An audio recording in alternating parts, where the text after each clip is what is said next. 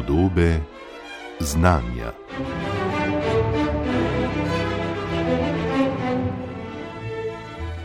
Kdo smo in kaj nas privlači? To je vprašanje, na katerega Homo sapiens odgovarja na zelo različne načine. Najbolj pogost in družbeno najbolj sprejemljiv je odgovor, da smo tistega spola, ki so nam ga, glede na naše genitalije, pripisali ob rojstvu in da nas privlačijo ljudje nasprotnega spola. Najmanj od seksualne revolucije naprej se v zahodni družbi razpirajo drugi prostori izražanja in bivanja. Z njimi pa se oblikuje tudi nova terminologija, ki opisuje in definira vsakdanja življenja ljudi. Da obstajata več kot le dve spolni identiteti in da nas seksualno lahko privlačijo tudi vse spolne identitete ali nobena, in kako ljudje s temi nebinarnimi spolnimi in seksualnimi identitetami živijo v Sloveniji. To je raziskovala asistentka dr. Nina Perger z katedre za analitsko sociologijo Fakultete za družbene vede Univerze v Ljubljani. V knjižni zbirki Psihologija vsakdanjega življenja založbe FDV je išla njena knjiga Razpiranje horizontov možnega o nebinarnih spolnih in seksualnih identitetah v Sloveniji, v kateri predstavlja življenja ljudi, ki so zaradi svoje nebinarnosti na ravni družbe pogosto spregledani, percipirani kot neobstoječi, pa tudi deležni mnogih predsotkov in stereotipov, čemor pritarjujejo tudi podatki predstavljeni v knjigi. Doktorica Nina Perger, lepo pozdravljeni in dobrodošli v studiu. Lepo zdrav. Najprej ta pogovor o nebinarnih spolnih in seksualnih identitetah začniva pri zaimkih. Sem Urška Henigman in uporabljam zaimek ona. Sem Nina in tudi jaz uporabljam zaimek ona. Glede na to, da o nebinarnih spolnih in seksualnih identitetah na radiju, pa seveda tudi v javnosti, še ne govorimo veliko ali pogosto, bi me najprej seveda zanimala razlaga terminologije, torej kaj je nebinarnost na področju spola in seksualnosti, kaj pomeni, kaj opisuje, kaj razlaga. Uh -huh. Ok, kar široko vprašanje. Nekak grob in hiter, razmeroma enostaven odgovor bi bil, da z nebinarnostjo poimenujemo tiste identitete, ki se v področju spola, torej kar se spola tiče, umeščajo izven teh prevladojočih identitetnih binarnih označevalcev, torej moškega in ženskega spola. Gre torej za identitete, ki se umeščajo izven ali pa nekako vmes med ti dve prevladojoči, družbeno vsekakor dominantni in poznani kategoriji. In enako potem velja tudi, ko govorimo o identitetah v kontekstu seksualnosti, torej o seksualno nebinarnih uh, identitetah ki se ravno tako kot te spolno nebinarne identitete omeščajo izven tega prevladojočega binarizma heteroseksualnosti na eni strani in homoseksualnosti oziroma gejevskih in lezbičnih identitet na drugi strani. Povedano drugače, gre za osebe, ki se ne identificirajo ne kot moški in ne kot ženske po osi spola in ne kot heteroseksualne uh, osebe oziroma kot geje ali lezbike v kontekstu seksualnosti.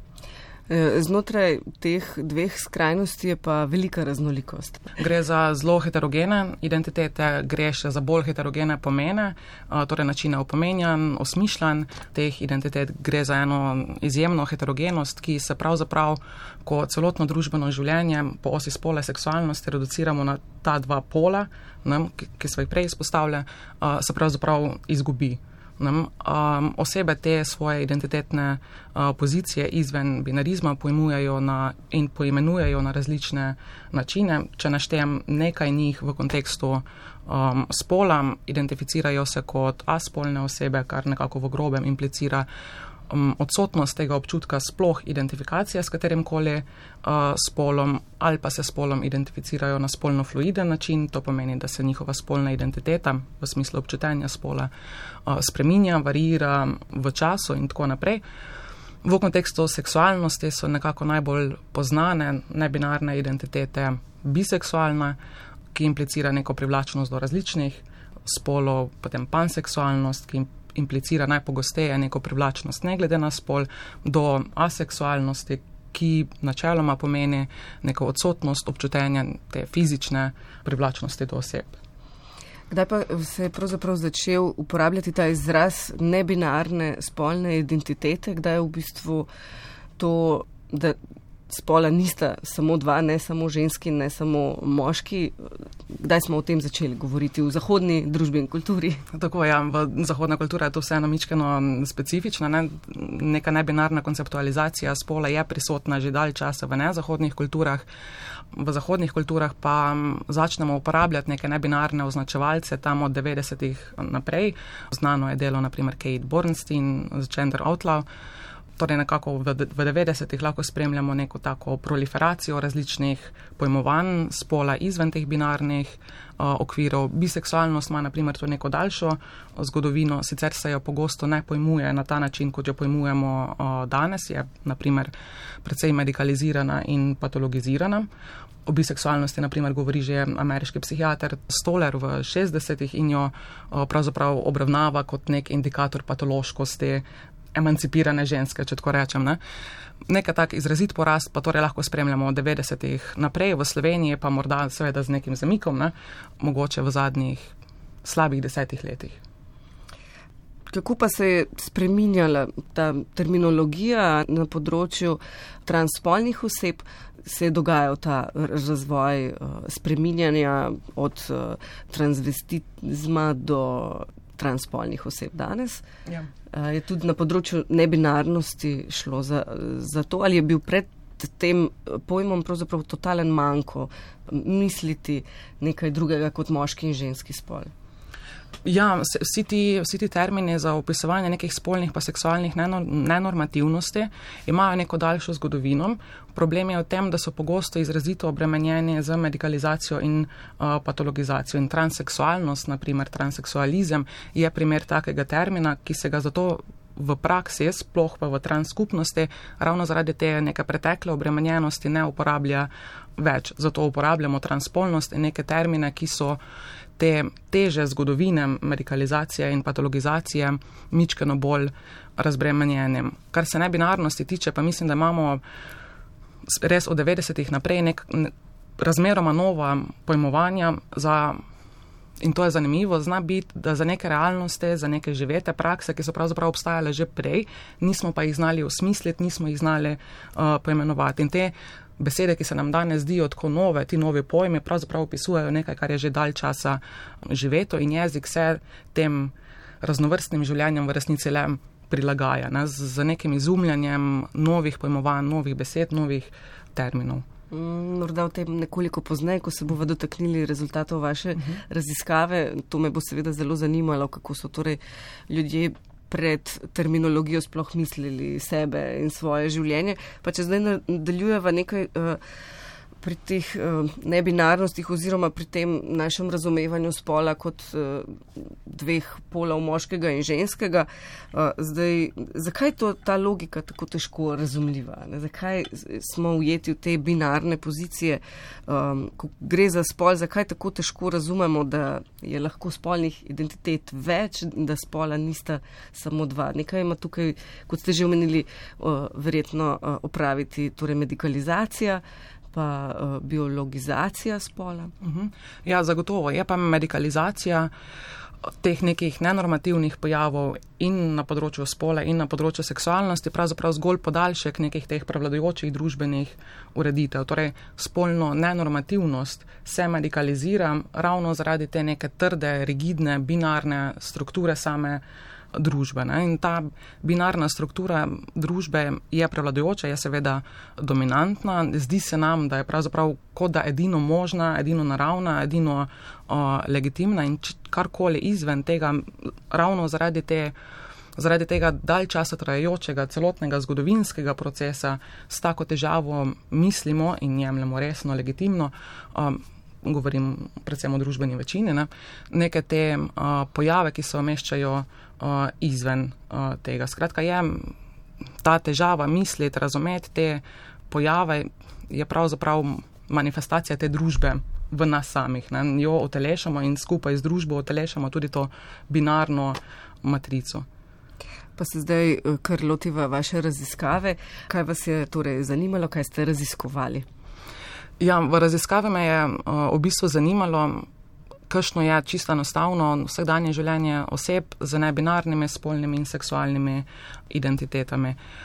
je po mojem vedenju tudi ena izmed prvih, če ne celo prva kvalitativna raziskava teh nebinarnih identitet v uh, Sloveniji, tako da predvsem služi neki taki grobi grobamo takemu eksplorativnemu koraku, dajmo najprej pogledati, kaj, ne, kakšne so neke ključne ovire, ključne izkušnje nebinarnih oseb, ki pravzaprav živijo v svetu, ki ni narejen po njihovih merah. Ne. Ta svet je binaren in neko osnovno vprašanje je bilo, ok, dajmo potem pogledati, kako se nebinarne osebe znajdejo, kako živijo v tem binarnem svetu. To, da je svet oziroma družba tako binarno strukturirana, ima seveda velike implikacije potem za življenje tistih oseb, ki se v teh binarnih schemah, binarnih pozicijah ne najdejo. Ne?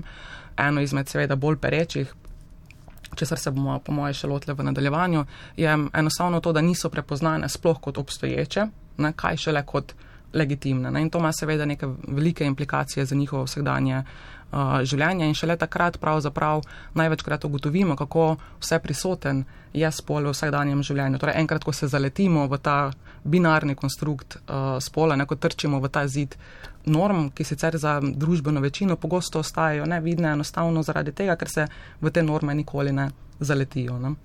Kakšen je bil vaš vzorec? Vzorec je sestavljen iz 23 oseb, ki se identificirajo kot spolno in ali seksualno nebinarne osebe. Z njimi sem upravila skupaj, mislim, da 52 poglobljenih intervjujev. Pri tem so me vodila nekaj teh par raziskovalnih vprašanj od tega, kako kakšen je sploh njihov identitetni trajektorij, torej kako v tej spet binarni družbi priti do tistih resursov, ki ti pomagajo osmisliti svoj spol, svojo seksualnost izven te prevladujoče matrice, torej kaj sploh rabimo za to, da zmoremo preseči ta binarizem, ki ga v resnici nosimo v nas samih. Kakšne so njihove izkušnje potem v različnih odnosih, od prijateljstev, intimno-partnerskih razmerij do družinskih odnosov, do tega vsakodnevnega sprehajanja skozi javne prostore, ki so spet precej binarno zaznamovani, do tega, kaj so pravzaprav tisti ključni viri podpore, ki pomagajo tem osebam v resnici preživeti to življenje, ki je polno enih ovir in preprek, ki jih pravzaprav proizvaja um, družba. Ne? Umenili ste, da je to ena prvih, če ne celo prva raziskava o tem v Sloveniji, v tujini raziskav je več, pa morda preden se dotakneva vseh vidikov ali pa veliko vidikov, kolikor nam bo uspelo o, tej, o tem pogovoru. Uh, kaj so pokazali, morda zdaj kar za začetek, uh, rezultati te vaše raziskave v primerjavi z raziskavami v tujini, uh, kakšne so izkušnje zelo drugačne uh, ali pa morda kje se z ovirami, ki jih družba postavlja pred nebinarne osebe, lažje uh, spoprijemajo oziroma kako se torej živeti v Sloveniji kot oseba z nebinarno spolno ali seksualno identiteto umešča v družbo. Uh.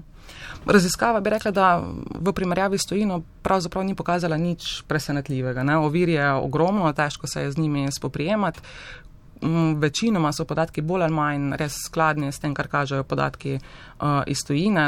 V grobem se v veliki meri naprimer kaže na to, da je neka ključna opora tem nebinarnim osebam, predvsem prijateljska mreža oziroma še bolj specifično prijateljska mreža znotraj LGBTIQ plus uh, skupnosti. Kar se nekih teh demografskih trendov, ki jih v Sloveniji pravzaprav še ne moremo delati, uh, zaradi tega, ker nimamo tega kvantitativnega upogleda v neko pojavnost nebinarnih identitet v Sloveniji med splošno populacijo. Imamo par nekih manjših anket, ki so bile narejene specifično na LGBTIQ plus skupnosti in te neke manjše ankete, ki so bile večinoma narejene v domeni nevladnih organizacij, m, kažejo v skladu z, z raziskavami iz tujine, da je neka pogostost nebinarnih identitet med mlajšimi generacijami večja kot pri starejših generacijah. Torej, v tem primeru bi lahko govorili seveda o vplivu tega, da ti novi termini, o čemer so se pogovarjali na, na začetku, vse bolj postajajo nekako prisvojeni v LGBTIQ plus skupnosti. Zaradi tega so neki horizonti teh možnosti, tega, kar je dano, s čimer se je mogoče identificirati, razširjeni in da mlajše osebe pogosteje posegajo po teh nekonvencionalnih označevalcih kot um, starejše, če se konkretno referiram na eno izmed raziskav iz tujine, mm, se naprimer kaže, da v nekaj letih delež seksualno nebinarnih oseb ki se identificirajo z biseksualnostjo, med mlajšo generacijo v starosti med 18 in 34 let, da se delež teh biseksualnih oseb v resnici podvoji v primerjavi s starejšo generacijo. Torej, te nebinarne identitete so med mlajšimi vse pogostejše in tudi v Sloveniji pravzaprav, kar se seksualne nebinarnosti tiče, v grobem in po ocenah teh nekih manjših raziskav, pravzaprav predstavljajo že polovico LGBTIQ plus skupnosti, ne, kar je presenetljiv podatek, ker o biseksualnosti vendarle ne slišimo toliko, kot slišimo potem o, o gejevskih in lezbičnih identitetah. Ne kar pomeni, da pravzaprav nekako marginaliziramo in spregledujemo polovico skupnosti. No? Kako pa tako heteroseksualno kot uh, homoseksualno usmerjeni razumejo biseksualno identiteto? Zdi uh mhm. -huh. se, kot da oboji mislijo, da se nekako ljudje s to identiteto nekako so na nekem prehodu, da se pravzaprav ne morejo še, da še niso dospeli do cilja. No? Da to ne more mhm. biti neka identiteta, uh -huh. za katero se ti pač. Eh, ne zdaj odločiš, ampak jo imaš. No. Ja, ja, to je v resnici krasen povzetek izkušenj biseksualnih oseb, ki se kažejo tudi v tej raziskavi. Biseksualnost je zaznamovana s celim kupom enih stereotipov in predsotkov od tega, da ni resna identiteta, da ni identiteta, ki je legitimna sama po sebi, ampak je bolj stvar neke tranzicije, torej kot neka faza v razvoju ali dokončne gejovske oziroma lezbične identitete na eni strani, ali pa heteroseksualnosti na drugi strani, da gre zgolj za neko lahkotno eksperimentiranje. Potem imamo še cel kup nekih stereotipov o tem, da je stvar promiskuitete, da so biseksualne osebe manj zveste v intimno-partnerskih eh, razmerjih, kar ima ne na zadnje lahko precej resne posledice. Z tega vidika, da raziskave v tujini, v Sloveniji spet tega še nimamo, kažejo, da so biseksualne ženske v največji meri v primerjavi z lezbikami in heteroseksualnimi ženskami izpostavljene intimno-partnerskemu nasilju. Na nekatere raziskave kažejo, da tam okoli slabe dve tretjine biseksualnih žensk poroča o izkušnjah z intimno-partnerskim nasiljem, kar je stvar točno teh stereotipov, ki so jih zdaj naštele, ki porajajo neko negotovost, neko nezaupanje, kar na koncu rezultira v, v tem.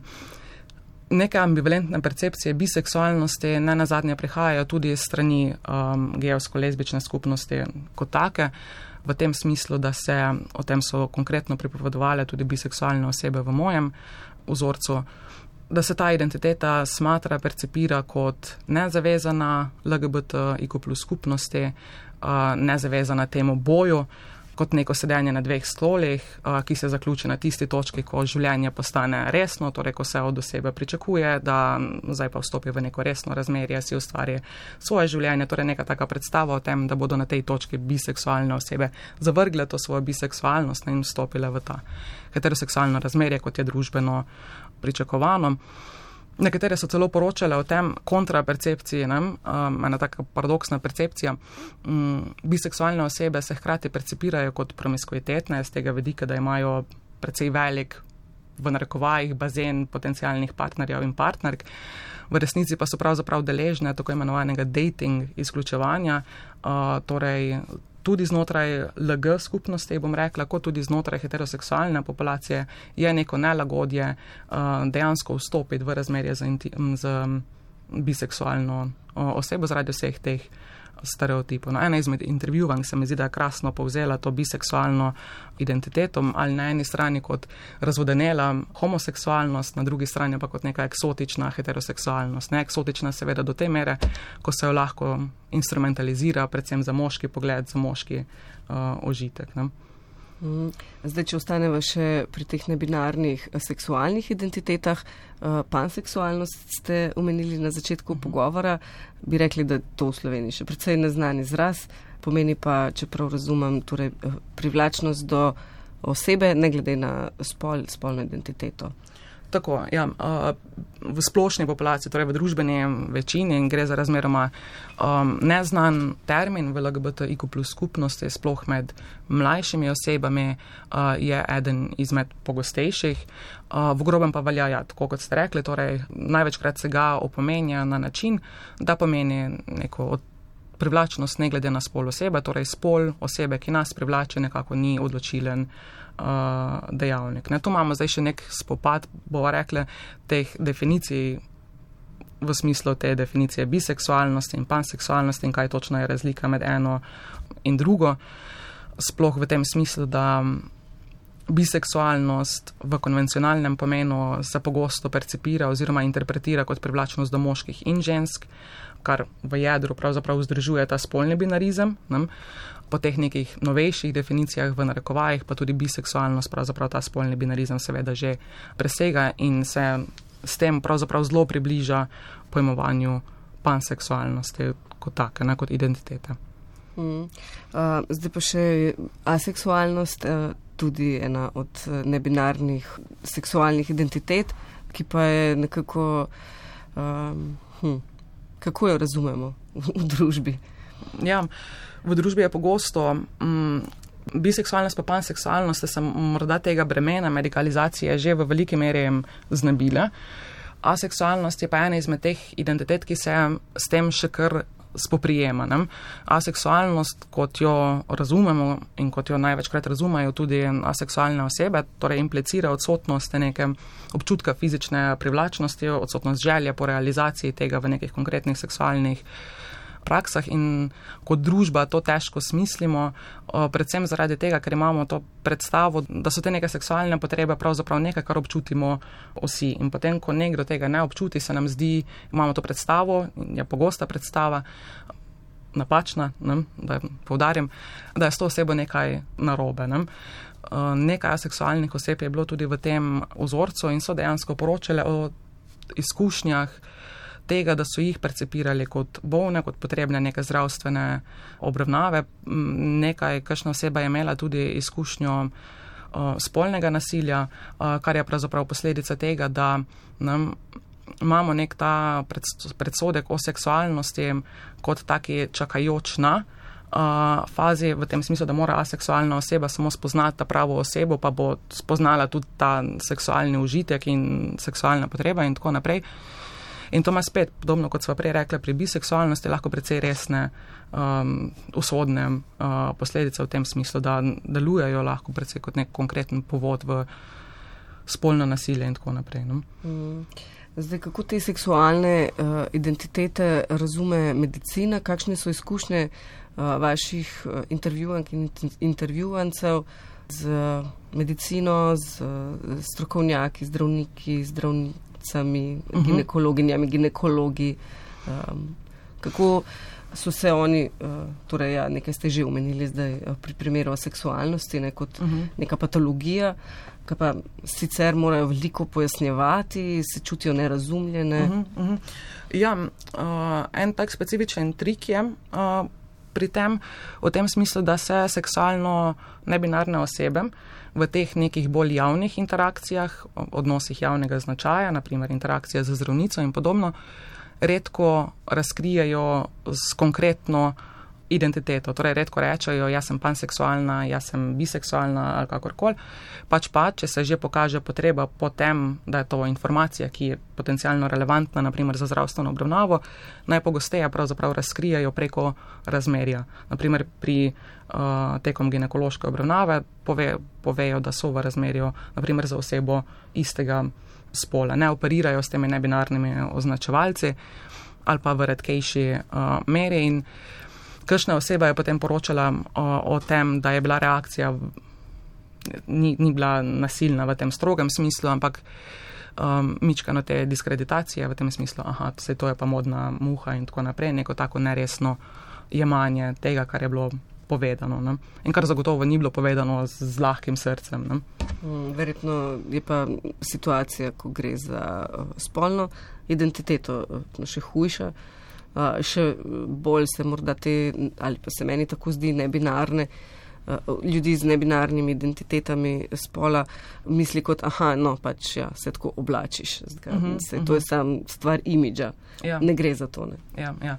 Pri spolno nebinarnih identitetah je zadeva zagotovo bolj pomenljiva, tudi zaradi tega, ker je po svoje večkrat um, nekako uh, relevantna. Imamo naprimer problem ginekološke obravnave, ki je lahko zelo traumatična, zelo obremenilna izkušnja za spolno nebinarne osebe, še posebej tiste, ki se nahajajo na bolj maskulinem spektru, torej maskulina oseba, ne, ki pa je vendarle ima neke reproduktivne organe, ki terjajo ginekološko zdravstveno obravnavo, pride v ta dispanzer za žene, kot poimenujemo, ne, in mora spraviti čez to interakcijo, torej to zdravstveno obravnavo, ki je še toliko bolj naphana z nekim nelagodjem, tudi zaradi tega, ker je telo precej bolj izpostavljeno pogledu druge osebe in tako naprej. Skratka, Kaj poročajo vaše intervjuvanke, intervjuvanci uh, v teh primerih? Ja, problem je v bistvu še hujši, predvsem zaradi tega, ker se zaradi pričakovanja po takih nelagodnih, tudi nasilnih, lahko uh, izkušnjah teh tipov zdravstvenih obravnav pogosto pač v celoti izogibajo ne, in ne dobijo, ne prejmajo zdravstvene obravnave, ki bi jo zares potrebovala. Ne. Zaradi tega so lahko, lahko so kakšne zdravstvene težave, ki pač niso tretirane potem pravočasno in ne nazadnje k temu potrjujejo tudi bolj kvantitativni podatki. Sploh ginekološko obravnava je ena izmed tistih stvari, ki se je transpolne osebe lotijo takrat, ko je res že hudo, no, ko res ne gre uh, drugače.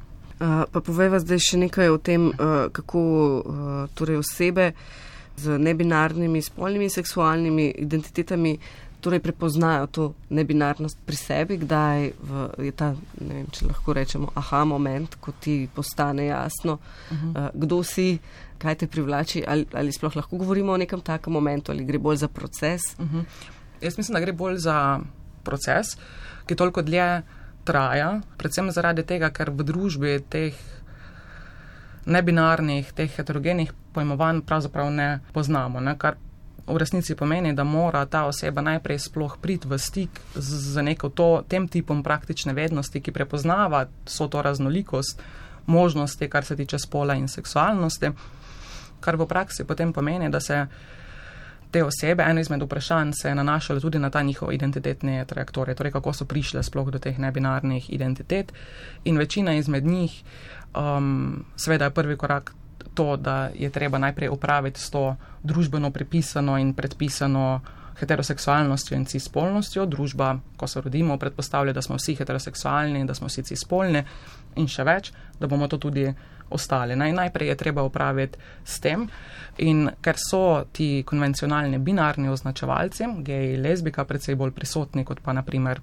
pan ali pa biseksualnost, mm, se pogosto zgodi, da ta nebinarna oseba spočetka poseže po teh binarnih označevalcih. Ne? Torej, njihov identitetni trajektorij gre pogosto od te predpostavljene heteroseksualnosti in cispolnosti v te binarno spolno nenormativnost, torej proti identitetam geja in proti identiteti lezbike, kar je seveda uporabno z tega vidika, ker ko se oseba najprej prepozna v teh binarnih okvirih kot lezbika, naprimer, uh, je to mogoče vstop v LGBTIQ plus skupnost. Ne? In tu se potem lahko spoznava z nekimi drugimi resursi, uh, pridobiva to neko praktično, neko predrugačeno praktično predstavo o svetu, ki je precej več kot svet binarnih uh, kategorij, predvsem pa dobi ima možnost dostopa in vstopa v nek prostor, ki je precej bolj varen za raziskovanje, precej bolj naklonjen tem, tem tipom premisleka, tem tipom refleksije, kot pa ta svet družbene večine, ki sloni na teh binarnih okvirih. No? Tako da šele potem znotraj LGBTIQ plus skupnosti in tako vse kaže ta, ta moja raziskava, šele po teh binarnih označevalcih se oseba potem nekako pre, začne, sploh lahko ima neke osnovne pogoje za to, da se lahko prepoznava kasneje tudi kot uh, nebinarna. Ne? In podobno velja potem tudi za spolno nebinarne uh, identitete, nek tak prehod v bistvu skozi identitete geja lezbike, vstop v LGBTIQ plus skupnost, spoznavanje s to novo predstavo o svetu in potem neko redefiniranje identitet v smeri nebinarnosti. Ne? Je pa ta proces lahko precej tako emocionalno, afektivno obremenjen. Čeprav je danes, bi si upala trditi, vseeno precej lažje, kot je bilo to 20-30 let nazaj in tega vseeno ne gre nekako romantizirati, ne, daleč od tega, da to stvar modnih muh in eksperimentiranja in nekih lahkotnih uh, odločitev te mlade LGBTIQ plus osebe, nekatere izmed njih, ena je krasno povzela, no, dobesedno je rekla, ona ni hotla biti to. Ne, neko tako amorfno zavedanje tega, kaj pomeni se znajti na tej nenormativni strani, kaj to pomeni za tvoje življenje, kakšne posledice to prinaša kakšne so pravzaprav nevarnosti ali pa grožnje, kaj vse se lahko zgubi, če se odloči za it po tej poti. Ne. Ogrožene so prijateljski odnosi, na kocki so družinski odnosi, ki so se do tiste točke zdeli praktično brezpogojni in odporni na karkoli se, se zgodi, lahko se pa razkrijajo kot taki zelo krhki in zelo ranljivi, takoj ko se srečajo z neko nenormativnostjo otroka. No. Lahko gre za, pre, napravim, da, da, da, da za vse, ampak nekako neko srednji modus je še vedno ta, da to niso stvari, s katerimi se zlahka opravi, ampak terjajo tudi neko tak spoprijem s to družbo spet v nas samih, ne, s temi normami, s tem zavedanjem, da je to nenormativno in kaj ta nenormativnost lahko prenese za konkretno življenje te uh, osebe. Doktorica Nina Perger, najlepša hvala za ta pogovor. Hvala za vabilo. Podobe znanja.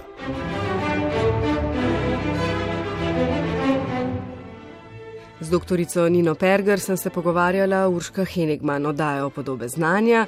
Najdete tudi v svoji aplikaciji za podkaste.